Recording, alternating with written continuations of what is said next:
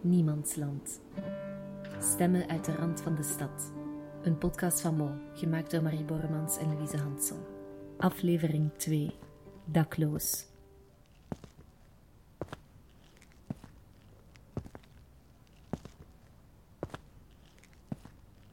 We zijn altijd onderweg. Was het ambetantste, altijd onderweg. Daar, daar, daar, daar, daar.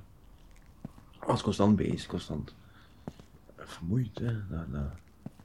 Takelt mensen af. Mensen zitten mij ook wel, maar ik moet eten. Ja, ik eet elke dag, maar ik verteerde gewoon direct, hè. Want constant daar, daar, daar, daar, daar, daar. Kost ik niet bijkomen. Ik loop dit allemaal direct af. Dit is Michael, 30 jaar, Gentenaar, voetbalsupporter, hondenliefhebber, een topkerel, iemand op wie je kan rekenen. Zo beschrijven zijn vrienden hem. Drie jaar geleden werd Michael dakloos. kost kwaad. Ja, kost een moord begaan ik. Kost in alle staten dan. Maar ja, als je alles kwijt zit, kan er niets meer schelen. hè. Ik wist totaal niet wat ik moest doen ook. Hè. Ik had nu dakloos geweest, dus dan zo van, oh fuck, wat moet ik hier doen? Daar rondwalen, daar een keer even geslapen, daar een keer even geslapen. Niemand weet hoeveel mensen in Gent op straat leven. Wie geen adres heeft, verdwijnt uit de statistieken. Daklozen, thuislozen. Mensen die van de zetel van een familielid naar de zetel van een vriend zwerven. Ze vormen een onzichtbare laag in de samenleving. Een tweede stad die onder, tussen en in de rand van de stad ligt. Kan iedereen overkomen. Mensen die eerst geen zorgen hebben, en dan in één keer alles kwijt zijn, en dan poef, staan ze ook op straat. Dat je denkt van, hoe kan er iemand ook dakloos worden? Ik had ook nooit gedacht dat ik dakloos ging worden. Ja, kan soms een, ene kleine misstap zijn, dat je in één keer poef, alles kwijt zit. En voilà. Dan sta je daar. En het is niet echt makkelijk voor eruit te gaan.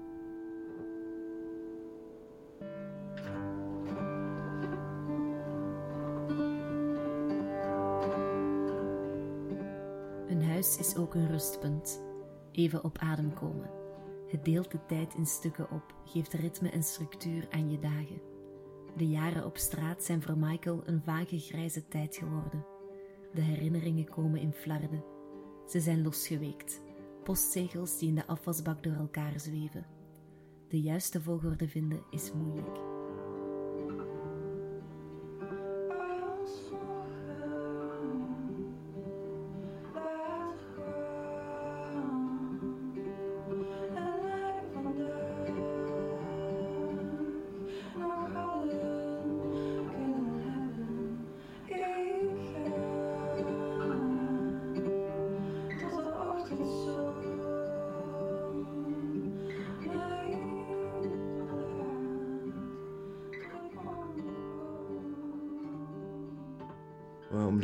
Een robot.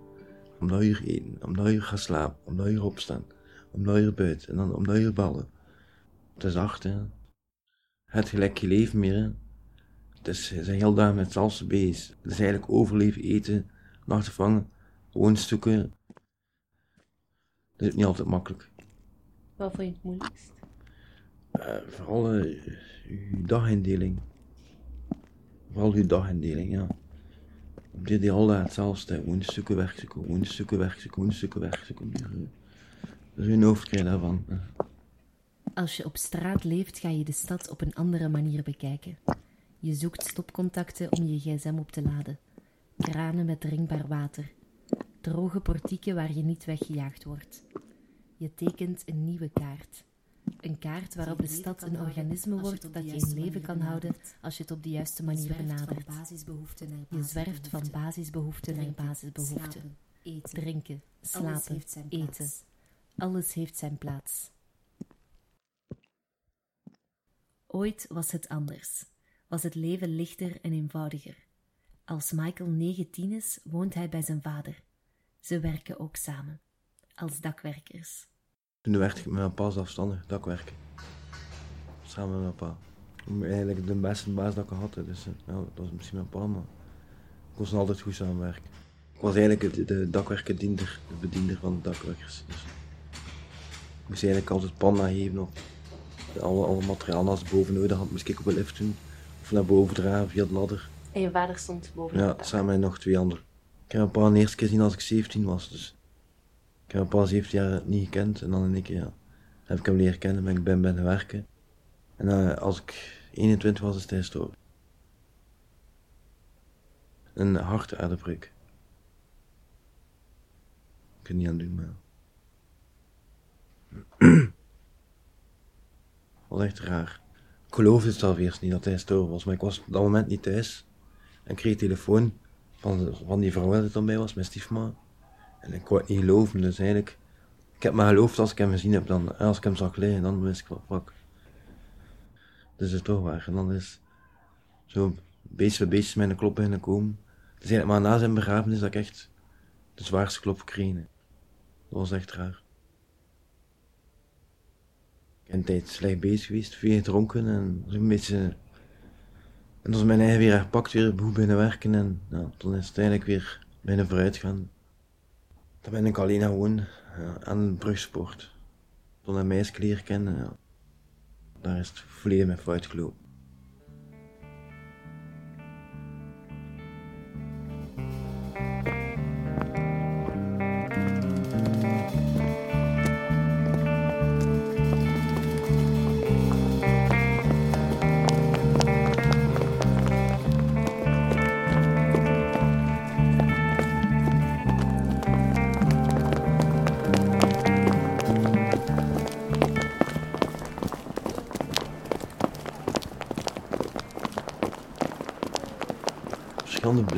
Mensen kunnen verschillende blikken kijken. Sommige mensen eens van, kijken vrienden aan mij, maar sommige mensen kijken zo van, hey, ze bekijken nu lekker stukjes stront, weet je wel, wat zit hier eigenlijk te doen.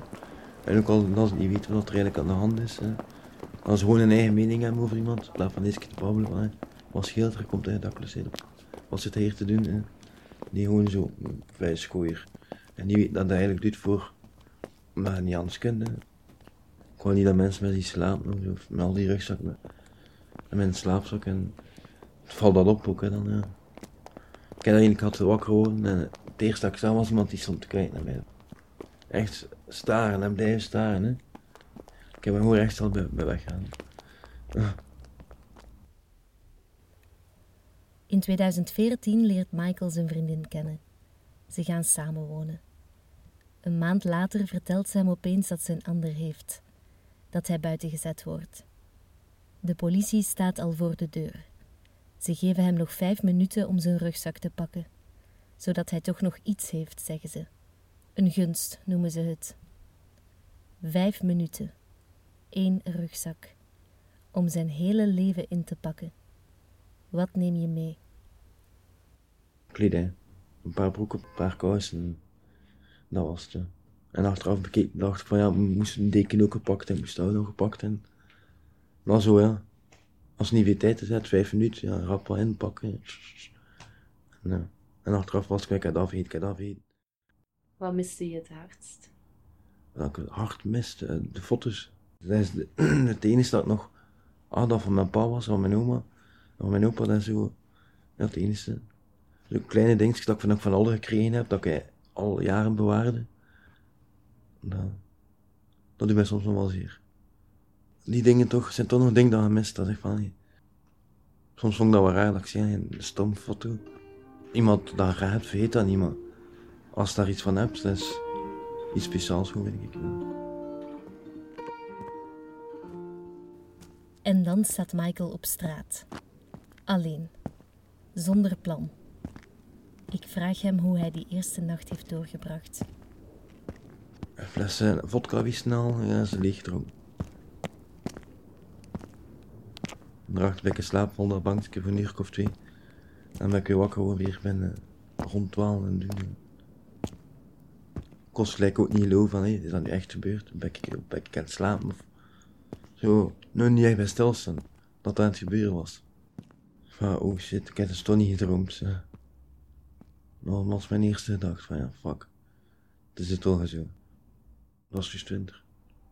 Dat was dus de periode van eindejaarsperiode, dus dat hun aantocht was. Dat had het moment uitgekozen. hè. De eerste dagen weet Michael niet wat hem overkomt. Hij zwerft. Van bankje naar bankje, van park naar park, van plein naar plein. Hij beseft nog niet dat hij echt dakloos is. Het had drie, toch drie dagen geduurd dan ik eigenlijk beseft van, ja, moet je vooruit, moet je iets doen. Dus gaat Michael naar de nachtopvang. Als dakloze kan je er slapen, je wassen, ontbijten. Je krijgt er soep, brood, shampoo en dekens. We zijn er zelf ondertussen verschillende keren geweest. Het is een vreemde plek. Een soort laatste toevluchtsoord voor wie nergens anders meer terecht kan.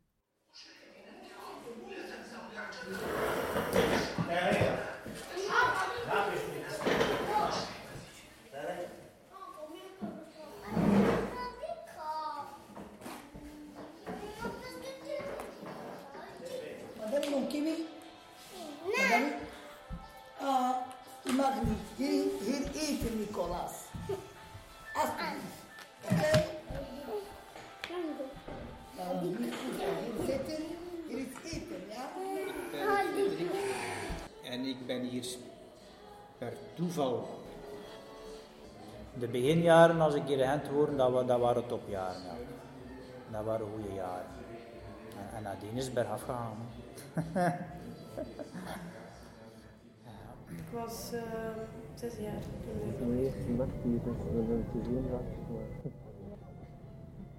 Voor Michael is het de eerste keer dat hij gebruik maakt van de nachtopvang.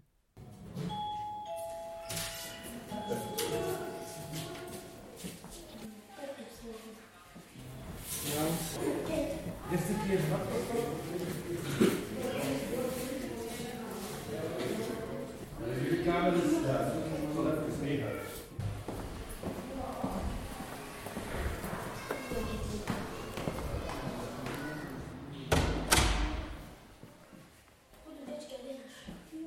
wist totaal niet wat dat was, nachtopvang. Ik zei, wow, wat dat hier bent. Meer een beetje in, eh, eh, bij dakloos gaan slapen. Ook met dat nu achterhoofd in dat, in dat bedje krijgen, maar ja. Als ik morgen wakker word, kan mijn gsm er nog in, hè, mijn beetje kledij, en mijn schoenen. Ben eigenlijk op alles. Klinkt stom, maar het is wel. Om duur vertrouwen niemand meer in. De nachtopvang heeft zijn beperkingen. Je moet elke dag inbellen, je weet niet zeker of je een plaats zal hebben. S'avonds om 9 uur kan je binnen en de volgende ochtend om 9 uur stipt moet je er ook weer buiten. Michael voelt er zich niet altijd goed. Om half acht dacht ik dat ze op de deur komt kloppen. Dus ik kom sowieso kloppen op de deur, moet sowieso opstaan om, om half acht. Mogen nog zeggen, ik wil blijven liggen tot half nee, nee, dat mag niet. Moet om uur opstaan. En dan ja, ben je nu dekens weg, nu lakens, eten en koffie drinken of thee drinken. Dan ben je om negen uur moet je, stip, moet je buiten. Ze zullen geen minuut later je buiten laten. Tip 9 uur zijn ze ja, het is 9 uur buiten. En dan ben je nu een dag van, ja, oké. Ga ik vanavond kunnen slapen de nachtopvang of ik daar slapen of daar slapen? Ik voel mij niet goed die. Dat eh, een raar gevoel dat ik altijd kreeg als ik er binnen ging. Ook omdat iemand anders mijn zeren meer ziet dan. Hè. Je ziet allemaal mensen met problemen. En dus ben je ook weer aan je eigen probleem te denken. En daar wil ik ook een nachtopvangst meestal achter mij liet. Ja. Het was soms moeilijk, ja. Er volgt een periode die moeilijk te reconstrueren is. Soms slaapt Michael op straat, in een park, in de nachtopvang, in een tuinhuis, in een tentje. Het was eh, een straat zonder einde, het eerste jaar. De eerste is dan tent, of gewoon zo'n bankje daar. Dan heb ik een tent gehad, dan ben ik op de Blaarmees zelf gaan staan, de camping, maar dan komt hier ook zien, want dat haalt, kost veel twee haalt. En vergeet dat maar. Kan uiteindelijk gewoon ergens ook gaan liggen. Ik vraag Michael hoe hij de eerste winter doorbracht. Met twee slaapzakken, zegt hij. Buiten. Overdag bedelt hij om eten te kunnen kopen. De eerste vier maanden heb ik eigenlijk moeten bedelen. Dan ik, eh, kreeg geen inkomen. De eerste keer durf ik zelf niet. Durf gewoon niet. Durf mijzelf niet zetten. Ik had dat potje er al gezet. En Ik bleef zo gelijk wat, wat, niet goed weten wat ik moest doen. Moet ik moet blijven staan. Zo. En wat er iemand twee euro in smeet, ik zei, ja, kom, ik ga mij zetten. Uiteindelijk besluit Michael om niet meer terug te gaan naar de nachtopvang. Hij wil onzichtbaar worden. Niet meer elke dag de blikken van mensen moeten trotseren. Als we praten met daklozen in de nachtopvang, komt het woord telkens opnieuw terug. Onzichtbaar. Verdwijnen wordt uiteindelijk de makkelijkste optie. Je ergens verstoppen. en hopen dat je nooit gevonden wordt.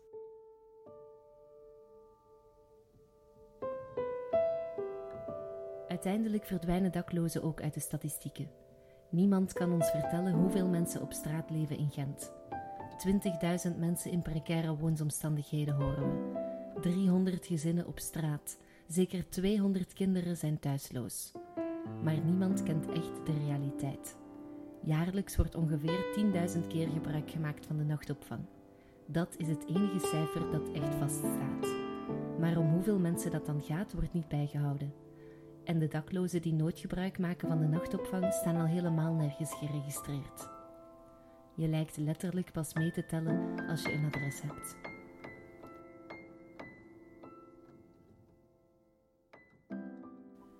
Michael trekt zich terug in de Blaarmeerse. De bomen, het meer, de vogels. Hij zoekt rust. Vooral de afwezigheid van andere mensen. Een plaats om alleen te zijn. De periode was niet altijd makkelijk. Hè. En de mensen zijn net tot s'nachts één uur soms. En dan had als wij toekomen s'nachts om twaalf, dan zeggen we gaan slapen. Dat de cafetaria in de hoop was tot s'nachts te vieren. Dan moest ook niet slapen. Dan dacht ik, oh, fuck. Ja, ik was soms lang. Vooral in de zomer. We hadden lange periodes. Lange dagen. S'nachts loopt Michael rondjes rond het meer. Om wakker te blijven. Hij wil niet in slaap vallen op een bankje. Mensen mogen hem niet zien met zijn slaapzak en zijn rugzak. Hij wil niet dat ze weten dat hij dakloos is. Hij wil niet meer zien hoe ze naar hem kijken. Ik wou zo weinig mogelijk mensen met mijn slaapplaats doen. En dan kon iedereen daarop vertrouwen, want een diene brengt een diene mee, diene brengt een diene mee. En om die rest half je plaats niet meer kennen. Waar was je slaapplaats? Aan de cafetaria, op, de- op die zetels. Of, of er, er juist achter, want zo een frituur, een oude frituur. Daar zo kost op nu en dan kost dat binnen slapen. Ik vraag Michael of hij soms eenzaam was. Nee, eigenlijk niet. Nee, want ik ken veel mensen in en ik heb soms periodes moeten zoeken dat ik echt zei van, waar kan ik zitten dat niemand niet zie dat ik ken. Omdat ik dat gewoon aan tand vond. Ik zat al met een hele hoop stress en miserie in mijn hoofd. Dat de mensen ook tegen mij kwamen lullen. Oh, ik had dit en ik had dat en ik had zien. En als ze nou gewoon staan en dat en dat en dat. Ik zei, nee, er zijn erge dingen in het leven dan ik kom. Eenzaam ben ik het nooit echt geweest. Ik heb momenten, zo even, af en toe momenten had ik van, vocht, ik ga er gewoon bij geven, maar ik zeg van, nee, nee, mag dat niet doen, mag dat niet doen. Ik moet blijven gaan. Ik heb al veel erge dingen meegemaakt, dat- ik heb heel erge dingen meegemaakt, dat dakloos maar ja, dan zat er in mijn hoofd, ik moet doorgaan. En dat doet Michael. Op zoek naar een betere en veiligere plek om te slapen, trekt hij naar een kraakpand. Heb lang in de kraakpand gezeten ook. Mijn oma heeft al lang gewoond, in Nieuwewijk. En ik weet dat heel Nieuwewijk onteigend is. En daardoor ben ik daar gaan. Er eh, 36 huisjes leeg dus. Schrielijk wat. Dan staat daar gewoon leeg. Leeg, voilà, poe. Trekt er een plan mee. Allemaal witte, kleine huisjes. Gewoon binnen gaan, hè, voilà. En we daar gewoon wel binnen... eh, wat spullen en matrassen binnen. Daar, daar zit ik zo beetje voor beetje. Dat ja, om die hebben we daar gewoon gezet. Vele was het ook niet, maar vele her. We wouden het als er iemand binnenkwam bijvoorbeeld. En ik wist van ja, als iemand binnenkomt ga ik wakker worden. Dus dan ik buiten niet. Ja. Ik kost last van alle kanten komen en ik hoorde het niet. Was geen elektriek, geen verwarming, niet, niets. Ja. Als ze op straat zitten, krijg je iets in de alcoholtent. Ja. Heel veel mensen in de nachtopvang hebben ooit in een kraakpand geleefd. Ze voelen zich er vaak veiliger dan op straat. Maar kan kraken een oplossing zijn voor dakloosheid? We vragen het aan onderzoeker Pascal de Bruyne, expert in het Gentse woonbeleid, dakloosheid en integratie.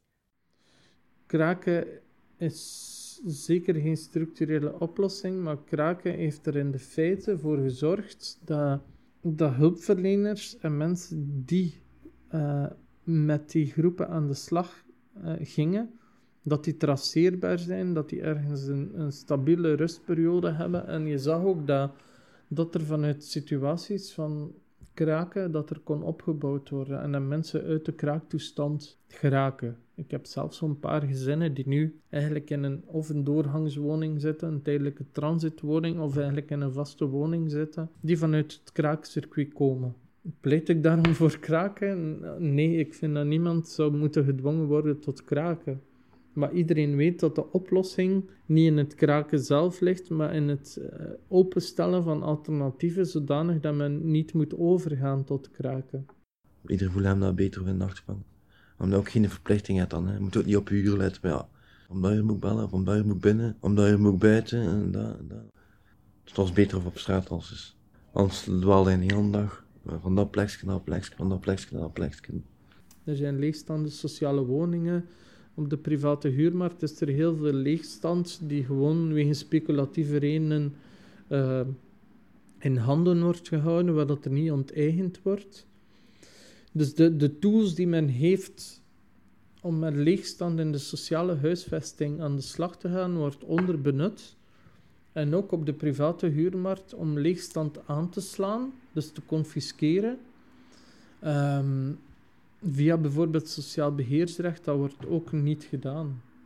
Dus er zijn manieren waarop dat je zou kunnen zeggen van kijk, we, we openen eigenlijk een, een nieuw soort tijdelijk, uh, een permanent uh, tijdelijk wooncircuit, waarin dat mensen eigenlijk een jaar tot anderhalf jaar kunnen wonen, omkaderd en begeleid, om eigenlijk uh, ja, zelfstandig op eigen benen te gaan staan voor velen is kraken een noodzaak. Hè? Want bijvoorbeeld als je dakloos zit, je kunt ook in nachtvang slapen, maar het doet niet, niet altijd de, de kans dat je plaats hebt. Dus kunnen we niet altijd op straat slapen ook. Bijvoorbeeld de winter ook. Als je dan moet buiten slapen, dat is niet te doen. Hè?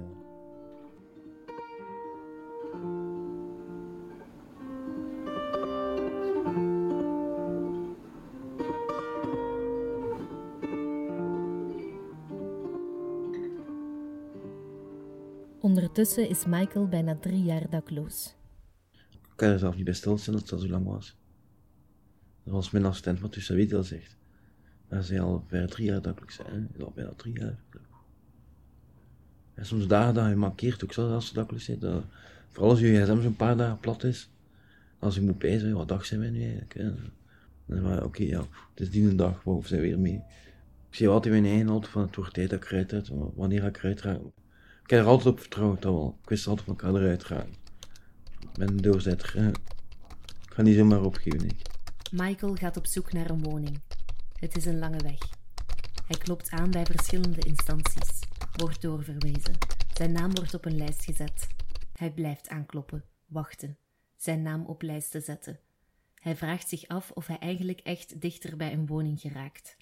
Het voelt alsof hij een pion is die enkel door anderen verplaatst kan worden ja, zo gewoon kijken, ja, ja die naam ik nu. Ja, ja, nu is het keer dienst in toer. Dan gaan we een willekeurige knop induwen.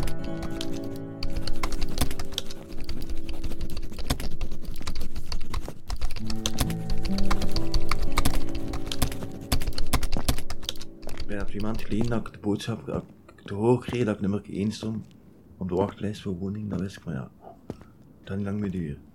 Bijna bijna. Ik was content. Ik zei, eindelijk, maar na al die tijd, eindelijk.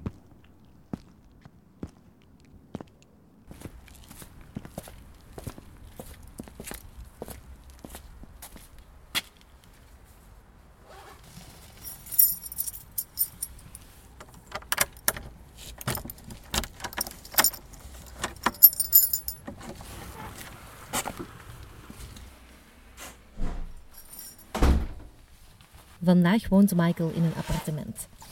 Hij is eruit geraakt, zoals hij zelf zegt. Eindelijk. Een woning. Een woning. Een deftige woning. Dat was eigenlijk het belangrijkste mijn woning. Dat ik weer mijn eigen stekje dat ik weer kost ben opbouwen, meubels. Dat, Hoe gaat het nu met jou? Goed. Goed. Ja. Probeer ik dat goed te doen. Alles is anders geworden. Maar toch blijft Michael de jaren op straat met zich meedragen. Ik vraag hem of het hem veranderd heeft. Ergens wel een beetje. Ergens wel een beetje, want ik merk nu nog ook dat ik, dat ik niet, eigenlijk niet vast slaap.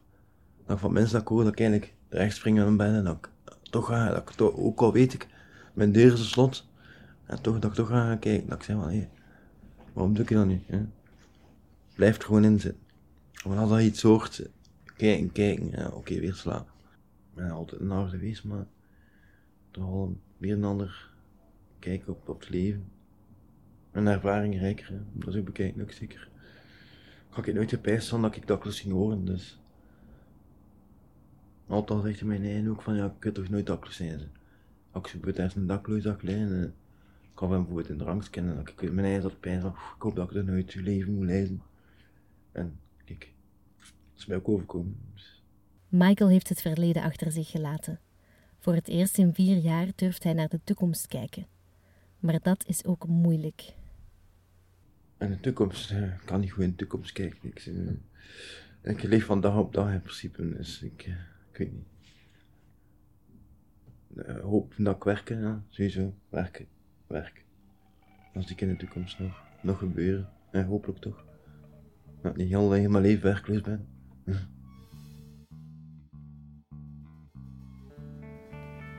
Michael is eruit geraakt. Maar nu wacht hem een nieuwe uitdaging. Een job vinden. En dat is nooit makkelijk geweest. Allerlei, allerlei, ik in mijn leven doe verschillende jobs. En vanaf mijn 21 is zo behost, verschillende jobs. Ik heb al in, het vlees, in de vleesfabriek gewerkt, de tuinbouw, eh, plakken, schilderen, ik ik kan van alles. En dus tegenwoordig moet je voor alles een, een bewijs hebben van ik heb dat gedaan, ik heb dat gedaan. Een thuisschrift voor dat, een rijbewijs. En die bewijzen heeft Michael niet. Maar hij komt er wel. Vandaag begint hij met een nieuwe opleiding om werk te vinden. Hij heeft de opleiding al drie keer gedaan, dus een vierde keer zal ook wel lukken. Michaels verhaal is uniek, maar het toont veel parallellen met de verhalen van andere mensen die we spreken. Ze willen niet allemaal getuigen. Sommigen zijn verbitterd, geloven niet meer in een oplossing. Anderen durven niet praten, zijn bang voor wat er zal gebeuren als hun familie, vrienden of collega's horen dat ze dakloos zijn. We kunnen ze niet allemaal laten horen, maar ze zijn met veel. Werk en een woning. Daar komt het telkens weer op neer. Alles hangt daarvan af. Het is een vicieuze cirkel waar je niet zomaar uit geraakt.